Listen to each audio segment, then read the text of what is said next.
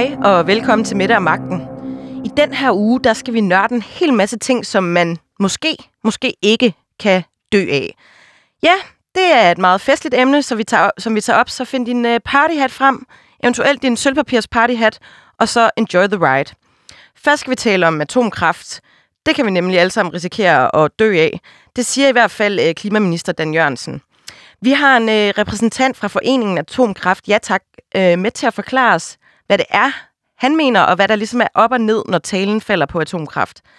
Dan Jørgensen, han kunne desværre ikke være her. Han var inviteret, men bare rolig. Øh, han er med os øh, her i ånden, fordi jeg har alt det, han har skrevet om emnet på sin Instagram-profil i løbet af hele ugen med, og det vil jeg forholde vores ekspert på området.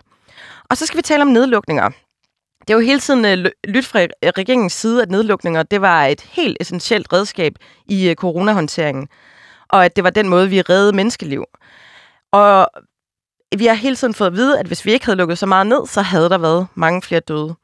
Men passer det nu også? Vi har en ekspert i studiet, der siger, at de danske nedlukninger faktisk kun har reddet fem liv. Velkommen til Mette og Magten. Jeg hedder Anne Kirstine Kramon.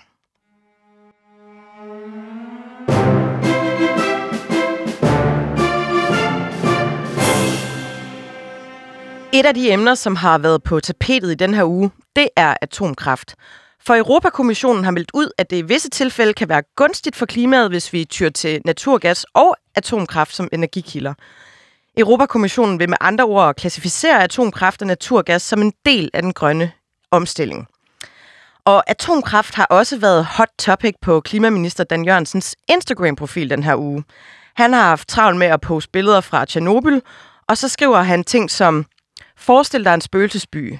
Huse, skoler og det lokale Tivoli forladt på få timer for 36 år siden. Sådan en by har jeg besøgt. Den ligger i Ukraine, og den hedder Pripyat, Pripyat men den forbindes med et andet navn, Tjernobyl. Byen ligger nemlig tæt på det forulykkede atomkraftværk, og det var selvsagt ulykken i 1986, der gjorde, at de knap 50.000 indbyggere forlod den over hals og hoved. Jeg har besøgt byen. En skræmmende oplevelse, som gav stof til eftertanke. Jeg har altid anbefalet danske politikere, der flytter med ideen om atomkraft i Danmark, til selv at tage turen til Ukraine. Sådan lød det på Dan Jørgensens Instagram-profil i denne her uge. Johan Solid, du er forperson og grundlægger af Foreningen Atomkraft. Ja tak. Hvad mener du om det her skræmmebillede, der lige bliver tegnet op her? Jamen altså, jeg mener, det er bekymrende, at vi har en, en klimaminister, som kommer ud på sociale medier, også i politikken med debatindlæg, som øh, maler et billede af, af, af atomkraft som værende en teknologi, som man benyttede dengang i, i Sovjetunionen. Fordi det, man skal huske, det er, at den teknologi, der blev brugt under øh, ulykken dengang, det er ikke en teknologi, der er blevet benyttet uden, øh, uden for Sovjetunionen, altså ikke i Vesten. Og det var under det sovjetiske styre, hvor der ikke var styr på sikkerhedsforanstaltningerne, og der var ikke de hvad kan man sige, sikkerhedsmekanismer, som man har på vestlig atomkraft. Så det er decideret usammenligneligt at, at, at gøre, som Dan Jørgensen her, benytte Tjernobyl som en, en, en, en, et skræmmebillede på, på atomkraft. Det er ligesom at sige, at man ikke vil sejle i krydstogsskib i dag, fordi Titanic det sank i 1912. Så det, det, er, det, det er ikke sådan så... Der er ikke så meget råd i virkeligheden her, når Dan Jørgensen gør det, og det er jo, det er jo åbenlyst, at han prøver at male sådan et skræmmebillede her, fordi hvis man ser på Tjernobyl med andre øjne, så ser man et, i stedet for et, man skal forestille sig en spøgelsesby, men så kan man også forestille sig et, et naturreservat, hvor der er masser af troede dyrearter, som er kommet tilbage i Europa, og øh, som trives i, i, i, vel, i stor velgående i det her område. Og det er fordi, at man har mennesket forlod området dengang for 36 år siden i 1986, og det har også givet mulighed for biodiversitet og miljø, der, der, der spiger i, i området. Og man ser en øh, uddød asiatisk hest, øh, hesterace, næsten uddød, som, som har blomstret op, og man ser losser, og man ser bjørne, og man ser alle mulige forskellige dyr, der ligesom trives i det her område. Men er der ikke fortsat nogle øh, udfordringer med strålinger i, i området? Altså det, der er vigtigt at huske ved Tjernobyl-ulykken, det var, at øh, som sagt, så var det en anden reaktortype, som, som fordi der ikke var de rigtige sikkerhedsforanstaltninger, så gik det galt, og så kom der noget radioaktivt udslip ud. Det radioaktive udslip det blev spredt rundt til det nærliggende områder og nogle nærliggende lande. Men de doser, som kom ud tilbage for 36 år siden, de var øh, ikke så store, at man står med et område i dag, der er totalt ubeboeligt. Man ser også folk, der begynder at flytte tilbage til området. Og man plejer at sige, at... Man kan sikkert få et billigt hus. Det kan man helt sikkert. Man kan få, men det er stadig ikke, øh, ikke lovligt at flytte ind, fordi det bliver anset som en undtagelseszone.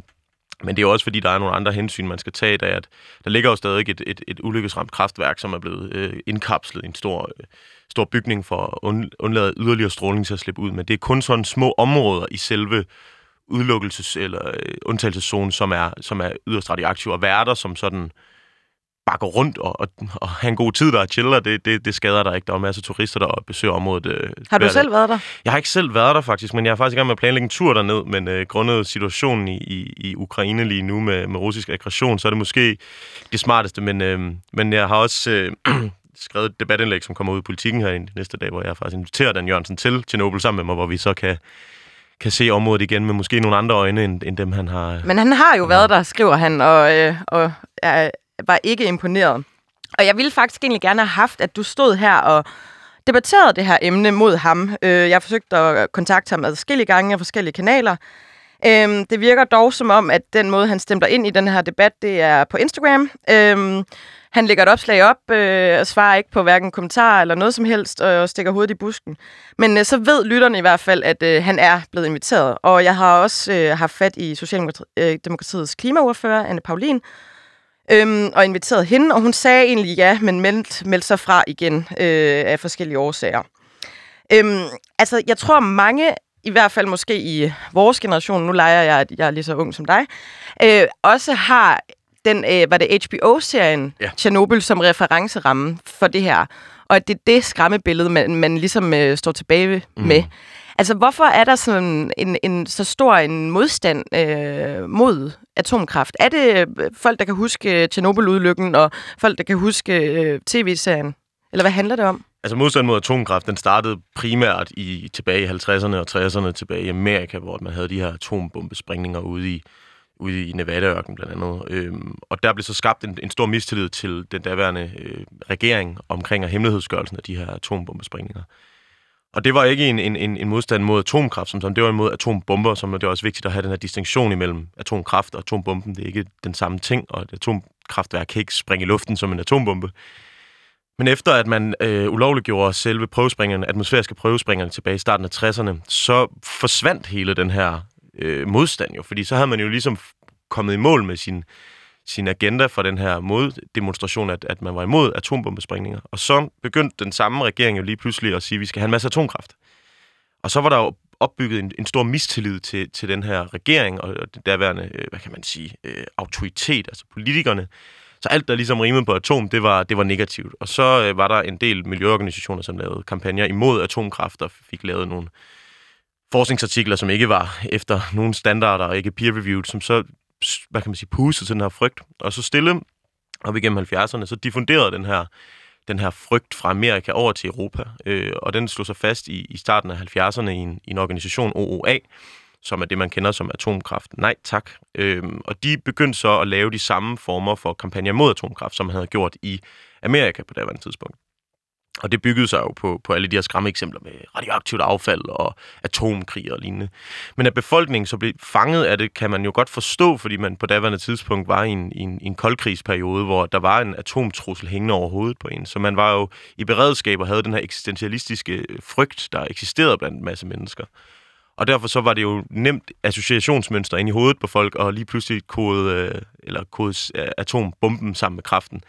Øhm, og så lige så stille, og det blev ikke modsagt, som der var ikke nogen øh, store kulturbevægelser eller miljøbevægelser, som, som var pro-atomkraft på det tidspunkt, så de var egentlig lidt monopol, den her nej-bevægelse. Og så samler man en masse folk med en masse fed musik og en fed kultur og gør det til, til en fed bevægelse at være en del af, og så går der ikke så længe, og så lige pludselig så har man også gjort det ulovligt i Danmark på det tidspunkt. Så, så hvis man skal prøve at forstå modstanden, så skal man også sætte sig ind i hovedet på, hvorfor en, en, en kontekst det var i. Og det var, det var krig, og det var en overhængende trussel, øh, som ikke eksisterer i dag. Og det er også vigtigt at slå fast, at, at klimaforandringerne var ikke, var ikke en ting, der eksisterede tilbage i 70'erne og 80'erne.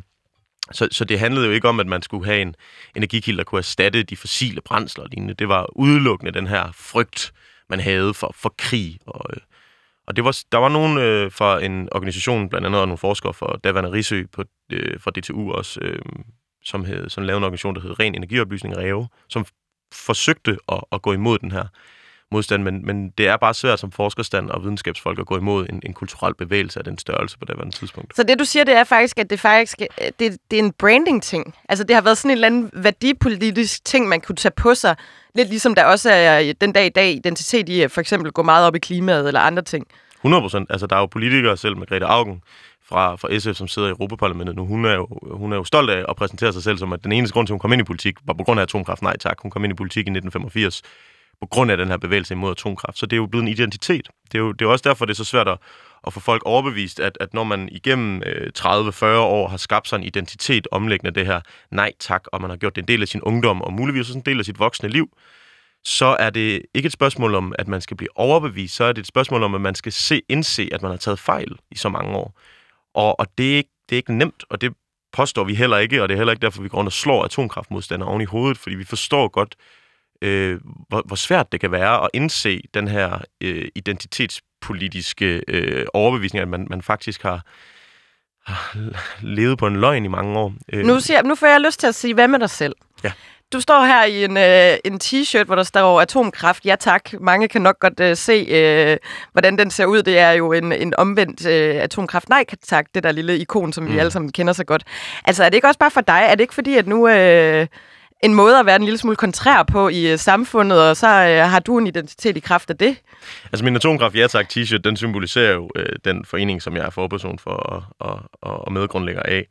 Og, og grunden til, at jeg er en øh, bærer sådan en t-shirt og bærer sådan en budskab på min, på min skulder og repræsenterer det, det er fordi, at jeg har siden jeg var teenager, øh, nu er jeg 24 år, men da jeg var teenager, gik jeg op i miljøet, og jeg tænkte, at øh, vindmøller og solceller, det var skide smart, og jeg blev veganer, eller, eller vegetar, undskyld, og tænkte, det var den måde at redde klimaet på. Men, men så, så småt som jeg gik i gang med min uddannelse på universitetet, så begyndte jeg at, at opfange nogle andre, øh, hvad kan man sige, løsninger, der eksisterede derude, og begyndte at gå ned i de her løsninger, og fandt nogle folk, som havde interesseret sig for emnet i mange år.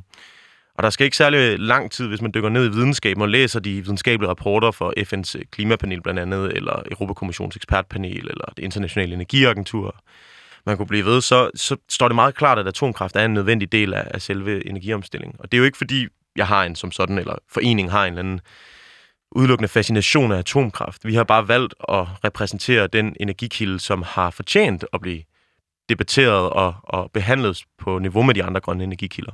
Kan du vi, huske det øjeblik, hvor du selv bliver overbevist om, at det her det er det rigtige? Hvad ja. var det, der gjorde det? Jeg mødte en, øh, en fyr ved navn uh, Thijs Palm uh, på universitetet, i, på Aarhus Universitet. Uh, vi har begge to læst statskundskab, og vi mødte hinanden til sådan en faglig dag, hvor han var blevet inviteret til at at tale om atomkraft. Og i den forbindelse, så, øh, så var jeg lidt interesseret i, hvad han, hvad han gik rundt og lavede, og så spurgte jeg ham, øh, hvad, det egentlig, hvad var det der atomkraft egentlig noget? Jeg har hørt lidt om det før, men ikke var sådan yderst øh, belæst om det eller noget. Og så, øh, så begyndte vi lige så stille at komme i kontakt med hinanden, og efter et halvt år med kontakt, så besluttede vi os at, at, at starte en forening.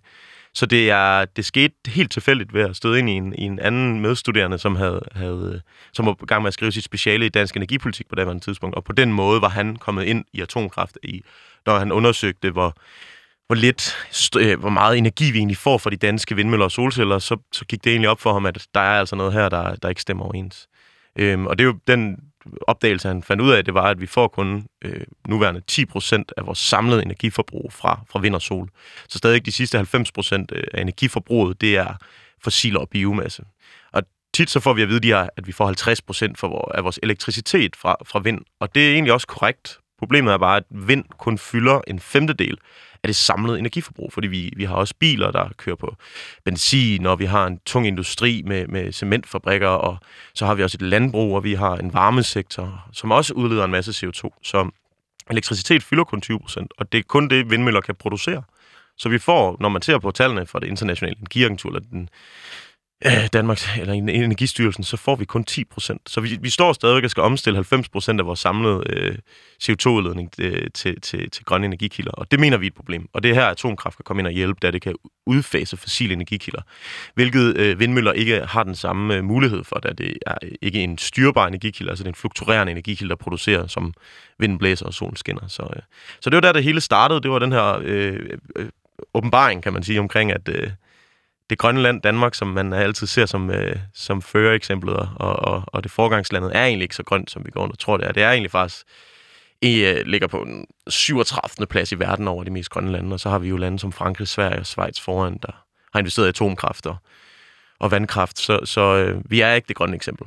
Det er de andre lande. Men når du sidder til en eller anden øh, kom sammen, og så din borddame spørger dig, Nå, hvad laver du så? Altså, er det, øh, er det, er det sådan lidt anti waxer-agtigt at være øh, for atomkraft, eller skal du sådan virkelig forklare... Øh, altså, jeg tænker bare, har I nogen fornemmelse af, hvordan befolkningsstemningen er? Altså... Mm. Altså, jeg oplever typisk, at folk er vildt interesserede. Øh, og det også, kommer også an på, hvordan man, man omtaler og sætter sig ind i emnet, fordi atomkraft er et, et, altså, eller lige et, et svært emne at diskutere, fordi der er så mange forudtaget skræmmebilleder om det. Men øh, efter mange år i gamet har jeg lært mig at beherske mig i min, i min øh, hvad kan man sige, øh, hvor, hvor meget jeg godt kan lide atomkraft, og, og, og forklare det på en, en stille og rolig måde. Øh, og typisk vil jeg faktisk helt ærligt egentlig ikke snakke så meget om det i mit private liv, fordi det er som sagt en ting, som det er som at snakke politik øh, med, din, med dine bedsteforældre, og, og det er sgu ikke noget, altså som... Jeg bruger rigtig mange timer af min uge og min dage på det, og, og så når jeg endelig har fri, så vil jeg helst gerne øh, bare være en, en, en, et ung menneske, der slapper helt af. Og hvis man lige pludselig bliver konfronteret med atomkraft, så kan man lige godt sidde en time og tale sammen. Men ellers, så, så det har det aldrig faktisk været noget problem. Jeg er ikke blevet, altså, blevet kaldt noget sølvpapir. Eller, nej, nej, overhovedet ikke. Altså, folk er interesserede, og det ender jo med efter fem minutter typisk, at folk de faktisk er enige med en, fordi man er jo enige om, at man skal redde klimaet, og det er en måde på, at man kan gøre det med atomkraft. Hvis vi lige skal prøve at dykke lidt mere ind i emnet, faktisk, øh, det har været sindssygt nemt for mig at forberede mig, fordi øh, Dan Jørgensen har lagt nogle gode, relevante spørgsmål op på sin Instagram-profil, som han gerne vil øh, stille til alle atomkraft-entusiasterne. Og nu tænker jeg, at jeg på Dan Jørgensens vegne kan stille dem til dig, Johan. Hvad vil du gøre med det radioaktive affald, øh, som øh, er farligt mange, mange generationer ud i fremtiden? Hvad vil du gøre med det? Grav ned i haven? Altså, jeg vil, starte med, jeg vil starte med at, at slå en ting fast i forhold til, hvad radioaktivt affald egentlig er. Øh, typisk så får man jo den her opfattelse af, at det er en grøn flydende masse, som kan sive ind alle steder. Men, som lyser op. Ja, man også. har jo set for The Simpsons og, ja. og superheltefilm, hvor det er den her grønne flydende masse, som, er, som kan sive ind alle steder, som sagt. Men, men det er egentlig bare en fast metalklump, som bliver pakket ind i, i, i beton og metal og et vandafvisende materiale. Øh, og atomkraftaffald har faktisk aldrig slået et menneske ihjel. Affald fra elektricitetsproducerende atomkraft aldrig nogensinde haft et menneskeliv på samvittigheden. Og det er fordi, man siden man begynder at producere det, og de sidste mange år, 60 plus år, har haft erfaringer med, hvordan man, man deponerer det her affald. Og det gør man i store cylinder af beton, hvor det egentlig bare står og, og har det godt. Man kan kramme de her øh, cylinder uden at blive udsat for noget stråling overhovedet. Så man, man har Hvor egentlig, stiller man dem hen? Det stiller man egentlig bare ved siden af atomkraftværket. Øh, fordi at man har jo vidst i mange år, at atombrændsel, når det bliver brugt i en reaktor, så bruger man kun 5% af energien i selve brændsel. Så du har egentlig et, øh, ikke et affald tilbage, du har egentlig et, et meget, meget rigt, energirigt brændsel tilbage som ikke har haft nogen grund til at grave det ned, fordi man ikke har haft nogen sikkerhedsforanstaltninger, som har sagt det imod. Så man har egentlig bare stillet det ved siden af atomkraftværket. Så det er grunden til, at vi begynder at have den her debat nu omkring, at vi skal til at grave affaldet ned i, i dybde øh, geologiske deponilager.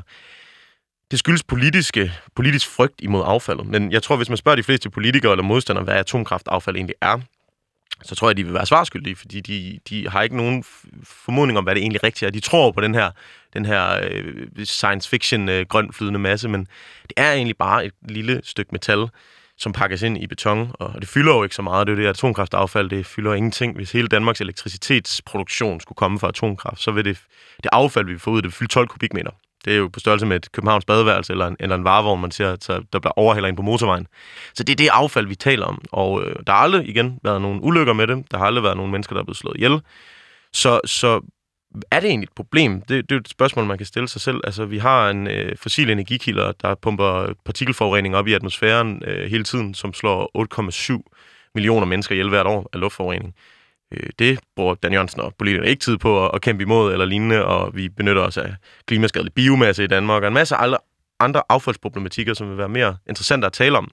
Men hvis man nu skulle gå efter præmissen om, okay, vi skal grave det ned, og vi skal, vi skal finde en anden løsning, så øh, har EU-kommissionens forskningscenter, øh, JRC, det er dem, der har lavet hele undersøgelsen bag den her inklusion af atomkraft i, i, i EU's taksonomi, de har jo undersøgt området i, i et år, og de førende videnskabsfolk på området, de slår fast, at affaldet ikke udgør nogen miljømæssig trussel, da man har muligheder for at deponere det. Det, man gør nu, det er, at man som sagt stiller det ved siden af atomkraftværket i beholdere, som er vejer 80 ton. De kan ikke rykkes på, de ligger ikke der, de er topsikre. Øh, ellers så har man øh, deponeringsmuligheder nede i, i, i klipper op i Finland og Sverige blandt andet, hvor at man i Finland åbner i 2025 med sådan et permanent deponeringslager, hvor man kan grave det ned i 500 meters dybde i en, i en fast klippeformation. Og så er affaldet bare der. Og Sætter man så, sådan skilte på, ja. sådan til fremtidige generationer, hvor der står Don't touch? Altså, eller? man kan jo sige, det man gør, man graver ned 500 meter, og så når man har fyldt lageret op, så øh, destruerer man tunnelerne ned til selve deponeringslageret. Og så op der, hvor tunnelerne startede, der øh, fjerner man alle bygninger, og så planter man bare skov ovenpå. Så sandsynligheden for, at du er en... Øh, det er det, der er lidt sjovt, og nogen siger, hvad, hvad fremtidige generationer, de bliver udsat for det her affald altså, så er man sgu over i, i, i, i eventyrhistorierne og science fiction, hvor at du skal have hele verdens øh, befolkning skal blive udryddet af en krig, og øh, der er ikke nogen, der ved, at vi har haft atomkraft før affald, og så skal der nogen, der skal tage en spade og grave 500 meter ned gennem masse betonlag og metallag, og derefter ramme en, en, øh, en, en, en cylinder, der er altså, fuldstændig bombesikker. Og, øh, og så derefter... En bombe er aldrig sikker. det ved jeg ikke, om du ved. det, det ved jeg godt, men øh, måske også det forkerte udtryk at bruge, men i hvert fald er, er top sikker. Og, øh, og så skal de stå og slå på den med en, med en hammer i, i en million år, før der går hul på den. Og inden man har ved om det, så det affald, der ligger inde i, det er, det er ikke farligt længere på det tidspunkt. Så, så det er ikke... Altså, hvis man er i, i den virkelige verden og i realiteten, så er det ikke noget at være bange for. Og det er jo også, når man lytter til videnskaben. Altså, hvis videnskaben kommer ud og siger, og forskningsagenturerne og går ud og siger, at det er sikkert det her, så må man altså snart begynde at lægge sin frygt på hylden og lytte til de her agenturer. Fordi så begynder diskussionen ikke så meget længere at handle om atomkraft. Så begynder diskussionen at handle om, hvorvidt man tror på videnskaben. Og det mener jeg er bekymrende, som Dan Jørgensen blandt andet er, er, er promonent for, at Gud stiller spørgsmålstegn ved den videnskab, som er. Og den videnskab, den siger altså, det er sikkert, og vi bør have det en del af vores klimaløsning. Og det er FN's klimapanel og, og i det internationale energiagentur Europakommissions forskningscenter, som kommer ud og siger de her ting. Så men jeg har lige et spørgsmål ja, øh, mere til dig fra, fra Dan. Ja. Er du 100% sikker på, at menneskelige eller teknologiske fejl i et A-kraftværk øh, ikke igen kan medføre en katastrofe? Er du 100% sikker? Altså, det er... Sandsynligheden for, at nogen graver det ned. Jeg ved godt, den er lille, men... Man kan sige, der er ikke noget i verden, der er 100% sikker. Det er der ja. et, intet, der er. Intet i verden er 100% Verden er bombesikker. Og derfor så skal man også huske, at når Dan Jørgensen han snakker om det her, så refererer han til Tjernobyl-ulykken. Og som jeg sagde før, den teknologi, og de sikkerhedsforanstaltninger, man benyttede under det kraftværk i Tjernobyl i 1986, har aldrig nogensinde været gældende i vestlig atomkraft. Så når man stiller det her øh, spørgsmål her, så, så, så, så prøver man jo at, at sige, at man skal være 100% sikker, men vi, vi accepterer risici hver dag, når vi lever i verden. Vi accepterer risici, når vi kører i bil, når vi tager ud og flyver, når vi tager ud og sejler, når folk, de øh, stor del af øh, samfundet, de ryger cigaretter eller drikker alkohol eller lignende. Så vi har vi, altid, vi oplever altid risici, men hvis man ser på risicien ved atomkraftulykker, så er den virkelig, virkelig, virkelig lav. Fordi der er aldrig nogen mennesker, der heller er død i Vesten af atomkraft. Det eneste tidspunkt i verdenshistorien, hvor der er folk, der er døde af sådan et atomkraftværk ulykke, det var under Tjernobyl. Ulykken på Three Mile Island i, i 79 og Fukushima-ulykken i 2011, de har ikke nogen dødsfald associeret med sig. Selvom at Dan Jørgensen han ikke tror på det, men, men hvis man spørger FN's øh, øh, agentur for øh, radioaktiv stråling og WHO, så har de undersøgt sagen og været ved Fukushima og undersøgt alle mennesker, der screen, den japanske regering har screenet alle de her mennesker for kræft og lignende, og man har ikke fundet noget som helst videnskabeligt bevis for, at der er nogle mennesker, som kommer til at dø som følge af 2011-ulykken, altså Fukushima, som følge af radioaktiv stråling, eller øget krafttilfælde i befolkningen. Men det, man skal huske, det var en naturkatastrofe med en flodbølge og en af de største jordskæld, der nogensinde blev registreret, der slog 20.000 mennesker ihjel det er det, vi skal huske Fukushima-ulykken for. Så det, jeg lidt hørt dig sige, det er, at der er et øh, politisk fokus på det her, som man ikke bruger i alle mulige andre sammenhænge. For eksempel, hvis man skal bygge en ny vej, mm. Øh, at der sætter man ikke et mål op, at man skal kunne garantere, at der vil være nul dødsfald på den her vej, før man bygger den. Præcis. Men det gør man, når talen falder på atomkraft. Og det er jo fordi, at, at, at, at man siger, at øh, Daniel han har et, et sjovt udtryk, han bruger, the, the, the risk is small, but the consequences are hej, tror jeg, han siger. Øh. Og det er et eller andet, han har taget ud af en eller anden gammel tale, eller et eller andet fra en præsident engang, eller sådan noget. Og det er jo, altså, det er jo et skræmmekampagne. Det er, jo, det, er jo, det, er jo, det, er jo, det er jo så et eklatant eksempel på, at du prøver at bruge frygt til at styre befolkningen. Hvad nu hvis? Hvad nu hvis det går galt? Altså, hvad nu hvis der flyver en asteroide ned i hovedet på os i morgen? Altså, så dør vi alle sammen. Ja, det gør vi, men det sker ikke. Sandsynligheden er i hvert fald så lille, at den ikke er det værd at, øh, at, at tale om. Fordi at den atomkraft, vi benytter i Vesten, den er så sikker, at du kan ikke, altså der sker, når der sker uheld, som er sket to gange i Vesten, så er der ikke nogen mennesker, der er døde, der er ikke sluppet store mængder radioaktiv stråling ud, som har haft konsekvenser for befolkningen. Og det er fordi, at et atomkraftværk er en topsikret militær facilitet med meter tykke betonvægge rundt om, rundt om reaktoren. Så sådan en ulykke, som skete i Tjernobyl, Det, vil, altså, det er decideret umuligt, at det kan ske på et, et vestligt atomkraftværk. Jeg har lige et øh, sidste spørgsmål ja. til dig fra Dan. Ved du ikke, hvor dyrt A-kraft er? Det er meget dyrere end de fleste vedvarende energikilder. Betaler danskerne ikke nok øh, for deres energi i dag? Det, man skal huske, når man sammenligner øh, prisen på forskellige energikilder, så skal man sammenligne prisen på energikilder, der kan det samme. Atomkraft, det kan levere en stabil øh, energi. Det kan både levere elektricitet og fjernvarme, og så kan det levere øh, 24-7-365, uafhængigt af, hvordan vejret det lige har det, og vejrguderne, de, de har det den dag. Så, så det er en energikilde, som kan gå ind og erstatte de her fossile energikilder. Så har man vind- og, og solenergi og andre vedvarende former for energi, som er fluktuerende energikilder, som går efter vejret. Så de leverer elektricitet, ikke når vi har brug for den, de leverer elektricitet, når de egentlig bare lyster til tilfældig elektricitet. Så værdien af den elektricitet, der kommer ud, er forskellig. Den er, den er mere, altså atomkraftstrøm er mere værd, hvis man sælger det på et marked. Men hvis man nu sammenligner dem, prisen på de to forskellige ting, så går man ind og benytter nogle sådan nogle regnemodeller, hvor man kigger på, hvad er alle omkostningerne i hele energikildens livstid, hvor meget koster det at bygge et kraftværk, hvor lang tid, øh, hvor lang tid kan det her kraftværk være, øh, kan det være online på nettet, øh, og hvor mange omkostninger, der er associeret med det her. Og så ser man på, hvor meget strøm, der bliver produceret. Hvis man sammenligner strømmen fra atomkraft produceret med for eksempel strøm fra havvindmøller, bare sådan med den mest, øh, altså, mest sådan anerkendte måde at gøre det på, så er atomkraft faktisk 45% billigere end, end havvind globalt set. Øhm, det koster det er 45 dollars per megawatt, hvor øh, havvind koster 66 dollars per megawatt, ifølge det internationale energiagentur. Så det hvis man spørger den, den førende institution på området om prisen på energikilder, så er øh, atomkraft billigere end havvind og, og konkurrencedygtigt med, med, med landvind. Men når man hører den her med, at det er dyrt, og Dan Jørgensen han siger, at det er dyrt, så er det fordi, at han øh, gør sådan en god gammel måde, det er cherrypicke. Det er, at han bare vælger øh, dyre atomkraftværker sammenlignet med billig havvind. Og det er ikke øh, en god måde. Og så skal man også huske, at man skal have øh, systemomkostningerne med, når man kigger på, øh, skal sammen, hvis man skal sammenligne vind og sol med atomkraft, så skal man kigge på backupen og, og de forskellige ting bag vinden og bruge den i en sammenligningsgrundlag. Her, helt kort til sidst. Ja. Hvornår har vi øh, atomkraft i Danmark? Altså hvis vi... Øh, helt kort. Vi skulle begynde i går, men altså helt realistisk med det politiske og forstyrrelserne ned og sådan noget, så vi gør det på 12 år. Og hvor skal det ligge? Altså, vi har en masse kraftvarmeværker nu, som fyrer biomasse, blandt andet ved København, så har vi Øreværket, vi har Ammerværket, vi har Studstrupværket ved Aarhus, Fynsværket på, på Fyn, og det er allerede steder, hvor der er infrastruktur, altså øh, varme, fjernvarmeledninger og elektricitet. Så vi har infrastrukturen, så fjerner vi de eksisterende kraftværker, og så putter vi nye atomkraftværker ind på de her grunde, som ikke skal til at, at grave mere natur op. Johan så lidt øh, for person for øh, foreningen Atomkraft. Ja, tak. Tak fordi du vil komme ind og gøre os lidt klogere. Jamen, jo, tak. Der bliver I nødt til at stole på mig. Jeg er landets statsminister. Jeg dækker ikke over noget. Nu skal vi stå sammen ved at holde afstand. Og det er vores klare overbevisning, at vi hellere skal handle i dag, end at fortryde i morgen. Ting kan godt se mærkeligt ud, uden at de er det. Der kan være røget en finke af panden, og mere end det. Lev med det. Lev med det.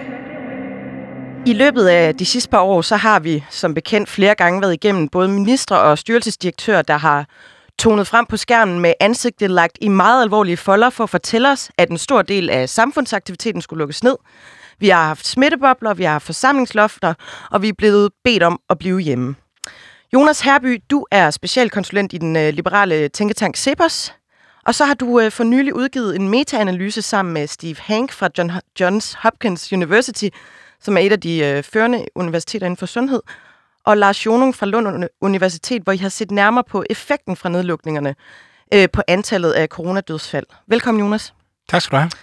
Jonas, øh, du mener, at nedlukningerne i Danmark kun har reddet fem liv. Hvad baserer du det på?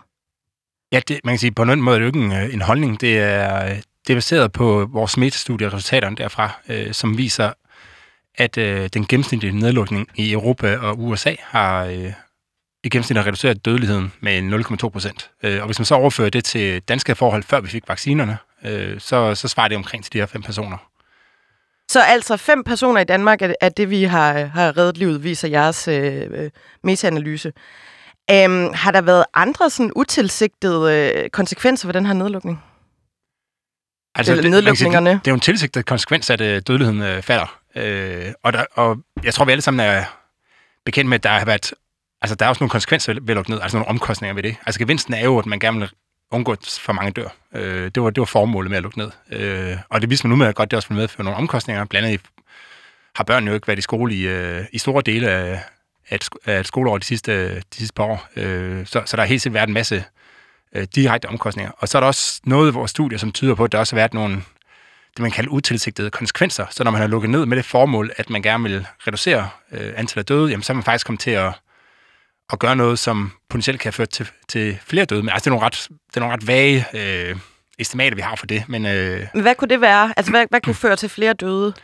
Jamen, det kunne for eksempel være, at øh, nu har vi ikke haft udgangsforbud i Danmark, men hvis du, øh, hvis du siger, at folk skal være, øh, være hjemme øh, hele dagen, øh, jamen, så hvis de for eksempel er blevet øh, smittet på arbejde, øh, og de kommer hjem, og de er asymptomatiske, jamen, så går de rundt derhjemme med deres øh, familie øh, i et lukket rum, hvor smitten rigtig kan sprede sig, og det kan faktisk være med til at så sprede smitten kraftigere i forhold til, hvis de nu har fået lov til at gå uden for deres øh, dør, for eksempel. Ikke? Det har vi heldigvis ikke haft i Danmark, og, der, og, og lad os rose regeringen rigtig meget for det, fordi der blev jo foreslået øh, ting og sager, som jeg er rigtig glad for, at regeringen ikke øh, indførte. Så, øh, men det kan også være sådan noget med, at man har forbudt øh, udendørs øh, forsamlinger, fordi vi ved, at smitten øh, har svært ved at sprede sig udendørs. Øh, vi så det for eksempel med de her Black Lives Matters øh, demonstrationer, som ikke havde nogen øh, effekt på smittespredningen. Øh, Øh, men hvis man så forbyder folk at mødes udendørs, og samles udendørs, altså være sammen med sin familie, så, øh, så kan man presse dem til at mødes indendørs i stedet for, hvor det var lovligt. Øh, og, og der spredes smitten bedre, og det kan så have den her modsatrettede effekt øh, på, på smittespredningen. Men altså, man, man lige understreger, det, de, den del af øh, studiet er meget usikker, altså hvor man går ned og ser på de øh, enkelte øh, nedlukninger. Så der er ikke nogen tal for, hvor mange der potentielt kunne være døde af det? Nej, nej, det, øh, det har jeg ikke kigget på, nej. Øhm. Men hvordan kommer I frem til tallet 5 i Danmark? Altså, hvad er det for en ligning, man sætter op? Ja, det, er, det er jo en bagsiden af en konvolutberegning, kan man sige. Ikke? Øh, vi kunne se der, hvor effekten af vaccinerne for alvor begyndte at, at spille ind, der, var, der var der døde omkring 2.500 mennesker i Danmark. Øh, og hvis vi så regner med, at de her, den her øh, nedlukning har reddet øh, 0,2 procent, så hvis vi ikke havde lukket ned, ville der være død 2.505 mennesker. Og forskellen mellem de to, det er så det, man har reddet, og det er så fem øh, personer. Ikke? Og det er klart, når man laver sådan en bagsiden af en konvolutberegning, øh, så kan det jo selvfølgelig være altså mere eller mindre, øh, men, øh, men, men den centrale pointe her er, at vi er langt fra det, vi ligesom blev stillet i udsigt, øh, da, da, da Mette Frederiksen holdt sit pressemøde den 11. Øh, marts 2020. At der, der snakker vi om øh, tusindvis af reddeliv, og det er, det er også det, som der ligesom har været meget, altså ligesom været antagelsen i medierne øh, igennem en stor del af pandemien, at, at det her det har reddet tusindvis af liv, men det er der altså bare ikke noget, der tyder på, når man går ind og så kigger øh, på, på data. Men hvis man nu kigger alle mulige andre steder, hvor man har øh, også lavet lockdown, Italien for eksempel, hvor man... Øh, hvor smitten jo var så meget ude af kontrol på det tidspunkt, hvor Mette Frederiksen holder sit første pressemøde. Der har også været nogle ret øh, hardcore lockdowns i øh, lande som New Zealand og Australien. Mm. Øhm, altså, og hvor, hvor man jo har set, at, at, at de har haft meget få døde. Hvordan forklarer man så det i forhold til, til dit studie? Jamen, det er det, der er sandt. Man kan altid finde nogle, man kan altid tage to lande, og så vise, at det ene land gjorde øh, X, og det andet gjorde Y, og så var der en eller anden forskel. Og det må så være forklaringen på, altså så forskellen mellem X og Y må være forklaringen på øh, forskellen i antallet af døde med corona. Men, men så simpelt er det jo ikke, for, øh, for du går heller ikke hen til en og siger, at øh, min farfar, han blev øh, 98 år gammel, øh, og han røg hver dag, så ergo kan rygning ikke være øh, usundt. Man er nødt til ligesom at kigge på et bredt datasnit, bredt datasnit, og det er lige så nemt at finde eksempler på den modsatte konklusion. Altså mange i Danmark har jo kigget mod Sverige og sagt, at øh, jamen, Sverige endte jo med at have, igen før vaccinen for alvor fik, øh, fik effekt, tre gange så mange døde som Danmark, og Sverige lukkede ikke ned. Ergo må nedlukningen have virket. Men på den anden side kan man sige, at jamen, Norge og Finland havde tre, altså Danmark har tre gange så mange døde som Norge og Finland, øh, selvom øh, de lukkede ned i samme stil som, øh, som Danmark, og måske endda lidt mindre, mindre op i Finland. Øh, så, så ergo er det ikke øh, nedlukningen, der, der driver den her forskel. Øh, men, og så kan man blive ved med at finde, finde sådan parvise eksempler og, øh, og sige, at øh, jo jo, og nej nej, men den, den, den eneste rigtige måde at gøre det på, ud fra sådan en videnskabelig øh, tilgang, det er altså at se på et meget stort, bredt datasnit, øh, og det er det, vi gør i vores øh, metastudie. Metastudie er jo i virkeligheden et studie af studier. Så, så vi har vi analyserer en, en masse forskellige studier, og hvad de kommer frem til. Og de studier, de kigger så hver især på forskellige grupper af lande, og nogle kigger på hele verden, nogle kigger på europæiske lande, andre kigger på amerikanske stater, eller, eller helt ned på amerikanske counties osv. Øh, og det er så essensen af de studier, der fører til vores konklusioner. Så vi siger ligesom, hvad er det, hvis vi tager gennemsnittet af alle de ting, der bliver fundet her, øh, hvad, hvad er det så egentlig, øh, den samlede videnskab, kan man sige, øh, fortæller os på, på nuværende tidspunkt. Og det kan selvfølgelig ændre sig. Altså, vi har jo alle studier med, der kigger på det her frem til 1. juli 2021. Øh, men der kommer hele tiden nye studier til, at vi bliver hele tiden klogere. Det kan jo godt være, om øh, to år, så kommer man frem til, at nedlukningerne øh, reducerer dødeligheden med 5% eller øget dødeligheden. Øh, altså, der, vi bliver hele tiden klogere. Men Så det er men, faktisk men, bare et situationsbillede, eller et øjebliksbillede, ja, I har sige, lavet? Det, det, er det, bedste, det er det bedst mulige bud på nuværende tidspunkt. I har jo fået sindssygt meget omtale i udlandet for det her studie, og ikke særlig meget i Danmark. I har faktisk fået øh, en del kritik i Danmark. Øh, Mathis Heldberg, der er postdoc i biokompleksitet på Niels Bohr Instituttet, han siger i, på, til videnskab.dk, at han simpelthen ville have dumpet jer, hvis I var hans studerende. Og øh, professor Carsten Juhl Jørgensen, han har slet ikke tiltro til jeres forskning, og han siger, at den ikke ville øh, klare sig igennem et peer review. Kan du ikke først og fremmest forklare, hvad er et peer review? Og peer review, det er, når man sender øh, sit øh, studie ind, ind til, et, øh, til et tidsskrift, og så vil der være nogen, som øh, sidder og kigger på det, som ikke altså, som er uafhængige, og skal vurdere, om kvaliteten af studiet er, øh, er god nok. Øh, og altså, man kan sige, det, det er jo deres øh, vurdering, øh, og vi kan måske komme tilbage til nogle af de konkrete ting, de, øh, de er utilfredse med. Øh, men altså, jeg, jeg, jeg er uenig. Jeg er selvfølgelig uenig i deres øh, kommentarer, og, øh, og jeg, jeg synes også, at... Altså, jeg, jeg sidder med en fornemmelse af, at de her meget sure over, at, det her, at der er en fra Cepos med på det her studie her.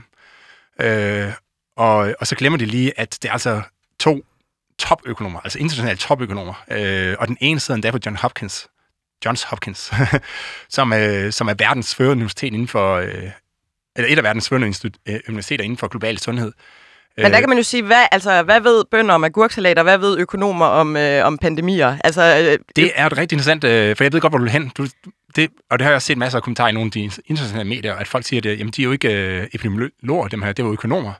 Øh, og, og det er rigtigt. Øh, og det samme kan man jo sige, når økonomer går ind og så vurderer, hvad er effekten af at indføre klassekvotienter, for eksempel, øh, som vi blandt andet har kigget på. Øh, jamen så man kan sige, økonomer, I er jo økonomer, I er jo ikke lærere. Øh, eller hvis øh, det økonomiske råd går ind og kigger på, hvad er effekten af huslejeregulering, så man siger, I er jo ikke, øh, altså, I er jo økonomer, I er jo ikke viseværter. Mm. øh, og, og, og forskellen her, det er, at økonomer, de er trænet i at vurdere effekten af politik. Så det er rent nok, vi ved ikke øh, lige så meget om... Øh, Men vel ud fra et økonomisk synspunkt? Nej, nej, ud fra et... Øh, det, det er en helt særlig gren af økonomi. Det er så øh, altså udvikle metoder til at analysere data, så man kan vurdere effekten af øh, førte politik. Øh, og, øh, og, og så er det rent nok, at vi ved selvfølgelig ikke så meget om den konkrete undervisning i klasselokalet, eller hvad det konkret er, der gør, at folk de øh, vælger at bosætte sig det ene sted eller det andet. Øh, men, vi kan, men vi kan finde ud af at analysere data og, øh, og sige, at jamen, hvis vi indfører et klassekvotient, så, øh, så vil det have øh, den her øh, effekt. Men hvis I er på, kun på, har... på børnenes læring for eksempel. Ikke? Og ja. her, her lærer det så bare, at vi siger, at hvis vi indfører en lockdown, så vil det have den her effekt på, på antallet af døde med corona. Men der har jo været, øh, altså hvis I stoppede med at indsamle data fra sommeren øh, 2021, så har vi jo lige været igennem endnu en nedlukning. Altså, og øh, jeg ved ikke, hvor mange forskellige, man får jo lyst til at sige 27 forskellige varianter af, af virusen. Det er jo ligesom, om der kommer en, øh, en ny udgave øh, hver uge næsten. Altså, at, øh, kan man overhovedet bruge det her til noget nu? Altså, er det ikke øh, bare... Øh, inden for corona bliver ting vel forældet rimelig hurtigt? Ja, det, altså det, det er jo en reel øh, pointe at sige, at øh, vi ved jo ikke, hvad morgendagen bringer, øh, og kan vi, kan vi bruge den viden, vi har i dag, til at, øh, til at forudse, hvordan det, altså, hvad vi skal gøre i morgen. Øh, det, det er nok et øh, sådan videnskabsteoretisk øh, spørgsmål i virkeligheden, øh, men, men, men så det vi kan konkludere, det er, at den første, hvor de fleste af de studier, vi kigger på, kigger på den første bølge. Og, og der indførte man øh, verden over en masse tiltag, som vi ved jo fra den danske diskussion, at øh, som Brostrøm, øh, som jo egentlig var ansvarlig for det område her på en måde, øh, at han blev overrulet af politikerne, som ikke vidste noget. Og, øh, og, og, og som indførte de her nedlukninger, blandt andet lukkede skoler imod Brostrøms øh, anbefalinger. Øh, det vores studie er jo så bare at sige, at det, det tyder på, at Brostrøm han havde øh, noget at have det i, øh, baseret på hans erfaringer. Øh, så nu har vi nogle Brostrøms erfaringer, hvad, han, hvad det er, øh, og nu har vi erfaringer fra vores øh, mediestudie, og man kan jo aldrig vide, om der så kommer et eller andet, hvor det rent faktisk vil, vil virke det her, og hvor man kan sige, at dem her er det faktisk rimeligt at lukke øh, øh, samfundet ned. Men så kommer også en diskussion om, hvem er det egentlig, der har bevisbyrden her? Altså, hvis jeg gerne vil sende et, et, et, et, noget ny medicin på, øh, på markedet, så er det jo ikke, altså, så er det jo ikke patienterne, der skal bevise, at min øh, medicin ikke virker. Så er det mig, der skal bevise, at min medicin virker. Og, og kraven er jo faktisk sådan, at hvis ikke jeg kan bevise det, så, øh, så har jeg forbud mod at så øh, indføre den her intervention på, øh, på markedet, som det i virkeligheden er. Ikke? Øh, og, og, og der er, det ligesom om, der er det ligesom om, at nogen opfatter det som omvendt bevisførelse her, ikke? at man skal ligesom kunne bevise, at, lock, altså at et indgreb ikke virker, for at man, kan, for at man ikke skal bruge det. Og det, det, ja, det, ja. det, det, det, det er i hvert fald ikke mit udgangspunkt for, hvordan, det, hvordan jeg synes, at et samfund bør være. Øh, ja. Jamen, ud, ja, og udover sådan, at så kan vi sige, okay, Brostrøm, han havde faktisk noget at have det i, og han blev så presset af, af af statsministeriet til at indtage deres øh, standpunkt i forhold til den her nedlukning. Men kan vi bruge det til andet? Altså, hvad kan vi bruge det til, det her studie? Udover at sidde og være øh, øh, øh kutter, woulda, shoulda, øh, bedrevidende og, og, og ja, er der et eller andet, vi kan bruge det til? Altså, i Danmark, der kan vi nok, forhåbentlig kan vi primært bruge det til evaluering.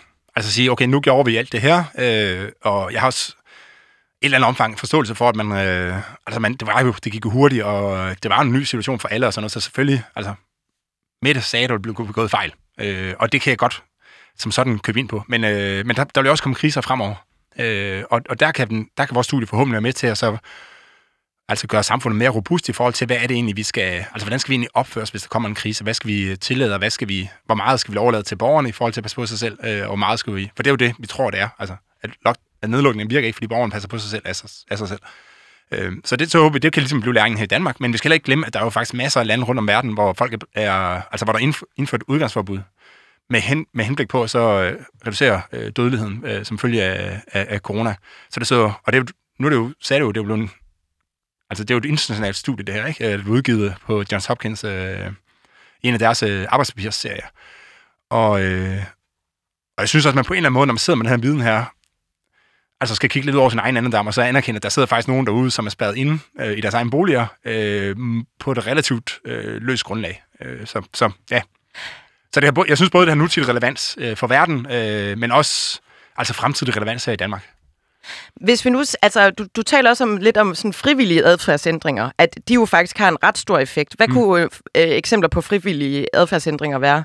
Jamen, jeg tror, vi alle sammen kan huske, at i, øh, altså både i foråret øh, 2020, men også i, i den senere vinterbølge der, at der skal vi betydeligt ned på vores øh, sociale kontakter. Øh, personligt, der var jeg, der så kun en anden familie i den to og en halv måned der i, øh, i foråret 2020, og, øh, og da den næste smittebølge kommer til december, der aflyser vores datters øh, fødselsdag, og man, altså, man passer jo mere på, når smittetallene er, er højere. Så det er jo sådan et eksempel på, at vi reagerer på de farer, der er uden for os dør. Så, og, og HOPE-projektet, øh, som som er dem, der ligesom måler, hvordan danskerne de reagerer på, øh, på Det er Michael Bank Petersen fra Aarhus Universitet, ja, som vi havde igennem også for et par uger siden. Okay, fint. Yes. Ja, øhm, Han, de, de jo peger meget klart på, at danskerne de reagerer på de her smittetal her, så når smittetallene stiger, så stiger vores opmærksomhed i forhold til at holde afstand og sådan noget også. Men reagerer man ikke netop, fordi der er alle mulige andre sådan, faktorer, som er ret alvorlige, for eksempel en nedlukning af samfundet eller sådan noget. At, øh, tror du, at folk bare vil reagere og, og ændre adfærd, bare på grund af smittetal, der udkommer øh, hver dag kl. 14. Altså, skal der ikke nogen af øh, de her øh, lockdown-faktorer til, for at man overhovedet begynder selv at, at korrigere sin adfærd? Altså, det, jeg det i øh, foråret 2020, der er jo ikke nogen tvivl om, at vi ændrer alle sammen kraftig adfærd, efter at Mette Frederiksen holdt det her øh, pressemøde. Øh, og jeg synes også, at det er fair at sige, at vi var ligesom klar på det. Altså, staten kommer jo tit ud og anbefaler, at man ikke må drikke for meget, eller man skal dyrke motion eller sådan noget, og det, det er vi ligeglade med. Det retter jeg mig 100% efter. det vil jeg bare sige, men, hvis min øh, far lytter med.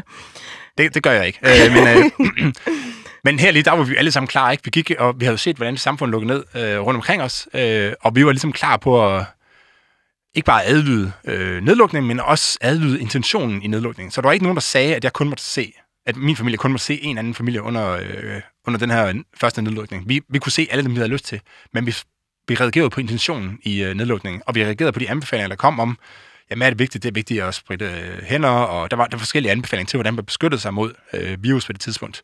Øh, vores, min egen arbejdsplads, Cepos, øh, det, vi fik en mail 20 minutter efter pressemødet, hvor, øh, hvor Martin Aarup, som er direktør, han skrev, at øh, nu lukker Cepos ned, øh, og I bedes arbejde hjemmefra, for det kan vi sagtens gøre for Cepos, så det er ligesom altså, vores... Altså, det er en del af, af samfundsansvaret, at vi ligesom øh, bidrager til, til at håndtere det her, ikke? Og, øh, men det, det var han jo ikke... Altså, det var jo ikke et krav. Vi kunne sagtens have mødt ind på arbejde alle dage, hvis vi havde, havde lyst til det. Så, så der sker jo helt vildt mange ting, bare i forbindelse med, at vi får nogle anbefalinger. Det, der så er interessant, det er at sige, hvad, altså vil folk reagere, hvis, hvis Mette Frederiksen hun ikke havde holdt et pressemøde? Og det vil vi måske ikke. Øh, men hvor meget skal der egentlig til, før at folk vil reagere? Altså hvis Mette Frederiksen nu bare har sagt, nu er virus her, øh, vi anbefaler, at alle passer maksimalt på sig selv, arbejder hjemme, hvis I har mulighed for det, aflyser fødselsdag, aflyser aftaler. Alle statsansatte skal fra i morgen arbejde hjemmefra, hvis øh, i det omfang det er muligt. Vi anbefaler kommunerne, at de hjemsender deres øh, medarbejdere, og det samme til, til alle danske virksomheder. Og, altså hvis man nu har kørt sådan noget, så viser vores studie, at øh, altså, vi kan ikke finde nogen effekt mellem graden af øh, nedlukning. Så dem, der har lavet allermindst, de har simpelthen opnået samme øh, gevinst som dem, der har gjort aller, allermest. Øh, så, det, så Hvad er et land, så, hvor man har lavet allermindst? Hvad kunne være et eksempel på det? Jamen, der, er både, øh, der, der, er en, der er faktisk en del lande, som... Vi kigger mest mod Sverige, som kun indførte et uh, udgangsforbud. Uh, vi kan måske komme lidt tilbage til, hvorfor Sverige var lidt uheldig under første uh, bølge. Uh, men der er også andre lande, uh, Japan, som ikke har... Uh, som havde en relativt uh, mild nedlukning. Uh, Island har faktisk også haft en relativt mild nedlukning. De har haft lukket skoler og sådan nogle første bølge, men generelt har de haft en relativt mild øh, nedlukning. Og generelt, de nordiske lande generelt set har jo altså haft en meget milde nedlukning i forhold til resten af verden. Altså, der er jo ikke nogen nordiske lande, der har indført øh, udgangsforbud, for eksempel. Der er ikke nogen nordiske lande, der har indført øh, begrænsninger i bevægelsesfriheden. Men vi er jo også mindre populationer, og Island især er vel en meget lille population, som er lidt bedre og nemmere at holde hånd i hanke med. Tænker. Jeg tænker, jo større population, jo vildere kan det gå for sig. Øh, det, det kan godt være, det har jeg ikke undersøgt Ej. specielt meget, men man kan sige, at de fleste, altså uanset hvor stort øh, samfundet er, så øh, min omgangskreds er jo mest inden for det område, hvor jeg nu engang bor. Ikke? Øh, og min familie i Jylland, deres omgangskreds er inden for, den, for det sted, hvor de bor. Så, så, ja, så det ved jeg ikke, om det betyder så sindssygt meget. Jeg tror mere, det betyder noget, hvordan det... Altså for eksempel, vi ved, at det betyder noget, hvad ens kultur er. Øh, man, man kan se i Tyskland, at hvis du har mange... Altså katolikkerne, der er spredt øh, virus som mere. Øh, og tesen var ligesom, at de havde nogle andre familiemønstre. Øh, altså det betød simpelthen mere, at man så sine forældre og sådan noget, og det selvom man justerer på det, så vil det være mindre der end, en sådan en klassisk kernefamilie, som bare kan lukke sig om sig selv, ikke? Øh, og, og, og skære bedsteforældrene helt væk. Ikke? Hvis så. vi lige kigger mod Sverige, altså hvad var det, der, der i dine øjne øh, ligesom gik galt der? Ja, altså nu vil jeg understrege, at man skal passe på med det her bare at sammenligne øh, altså et land, og så sige, at det var derfor. Ikke? Ja. Øh, men, men det, som der, der forsker både for Københavns Universitet og for Lund Universitet, der uafhængigt af hinanden, har fundet, at, øh, at timingen af vinterferien betød rigtig, rigtig meget. Øh, og årsagen var, at øh, nede i alberne, der var der et udbrud i uge... Altså, der var ikke noget smitte i alberne i uge 7, heller ikke i uge 8. I uge 9, der kom der så et, øh, et stort udbrud i øh, alberne, så der var rigtig, rigtig mange smittede. Men det fandt man først ud af i uge 10. Så, øh, så dem, der var dernede på vinterferie i 9, de havde meget, meget høj risiko for at blive smittet, og de havde øh, meget, meget høj risiko for at komme hjem og så tage på arbejde og, øh, og smitte deres kollegaer, fordi de ikke vidste, at de havde været udsat for øh, altså meget stor smitterisiko. Øh, og man kan simpelthen se på data øh, det de her forskere har gjort, at de områder, der holdt vinterferie uge 9, øh, det gælder blandt andet øh, Stockholm, store del af Sverige, blandt andet Stockholm, øh, det gælder Belgien, som også havde en meget, meget hård øh, første bølge, og, og andre øh, områder, de havde, de havde en meget, meget høj øh, smittespredning i forhold til områder, som havde vinterferie tidligere, som for eksempel Danmark, hvor vi har vinterferie uge 7. Øh, det meste af Danmark så også uge 8.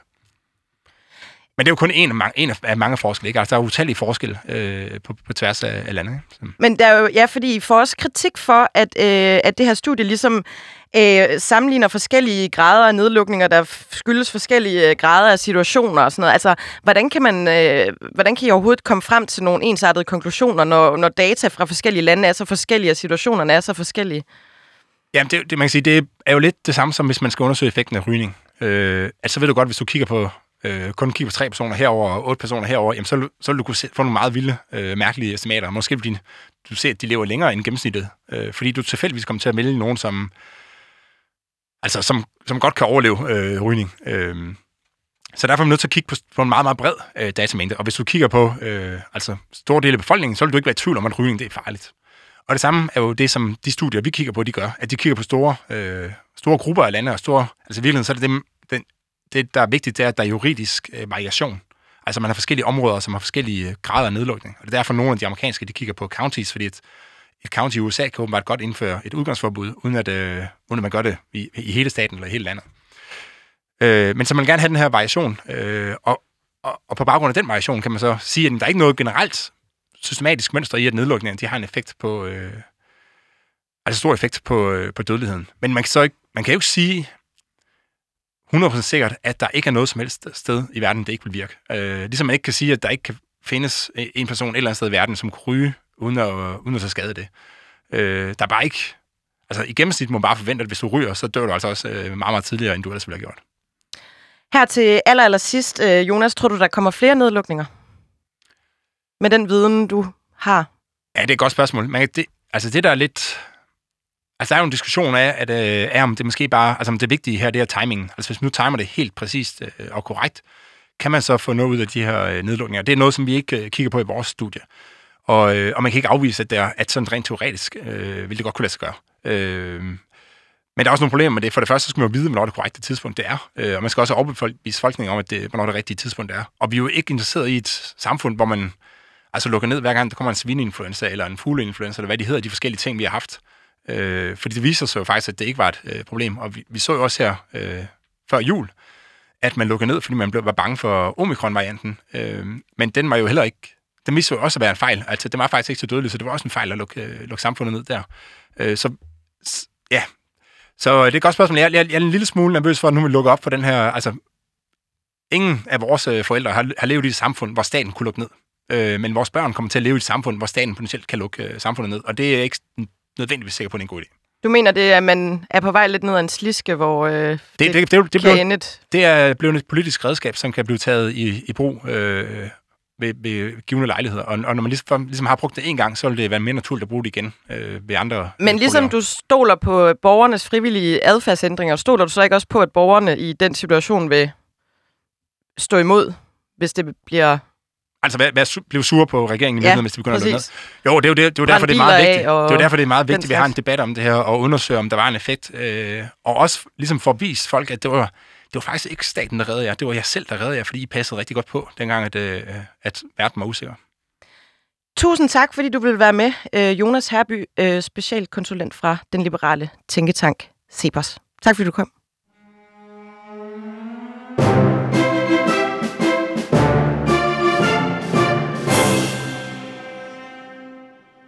Og så skal vi jo som sædvanligt til ugens Astrid Krav. Det er jo vores lille pris, der uddeles til en socialdemokratisk politiker, der har udvist særlig uselvstændig og tilsvarende partilojal adfærd i løbet af ugen.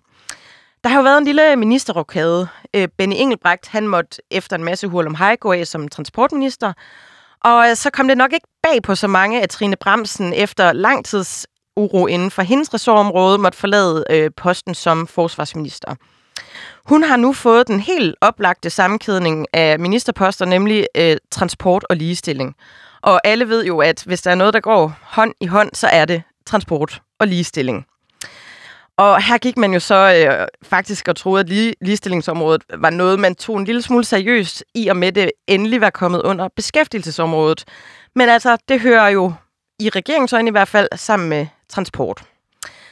Ugens øh, Astrid Krav er i denne uge øh, Mette Frederiksen, og det er hun, fordi hun forleden dag på et pressemøde om Danmarks udenrigspolitiske strategi sagde sådan her om Trine Bremsen som forsvarsminister. Lige om lidt, så vil du sikkert sige til mig, at du har fuld tillid til din forsvarsminister. Men det er jo almindeligt kendt, at forsvaret, eller stor del af forsvaret, har udtrykt øh, noget manglende tillid.